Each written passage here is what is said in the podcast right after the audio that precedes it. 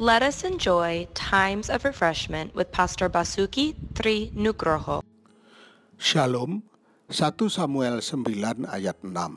Tetapi orang ini berkata kepadanya, Tunggu, di kota ini ada seorang abdi Allah, seorang yang terhormat.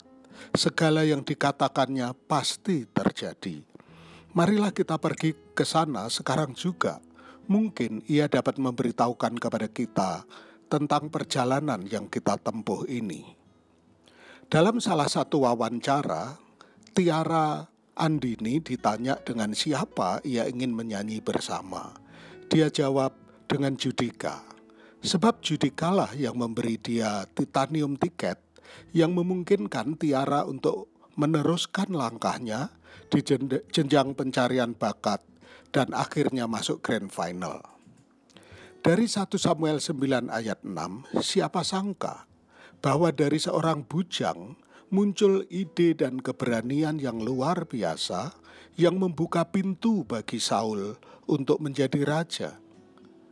Siapa sangka dari seorang perempuan Ibrani yang bekerja di rumahnya, seorang panglima besar Naaman beroleh jalannya untuk mengalami mujizat dalam hidupnya.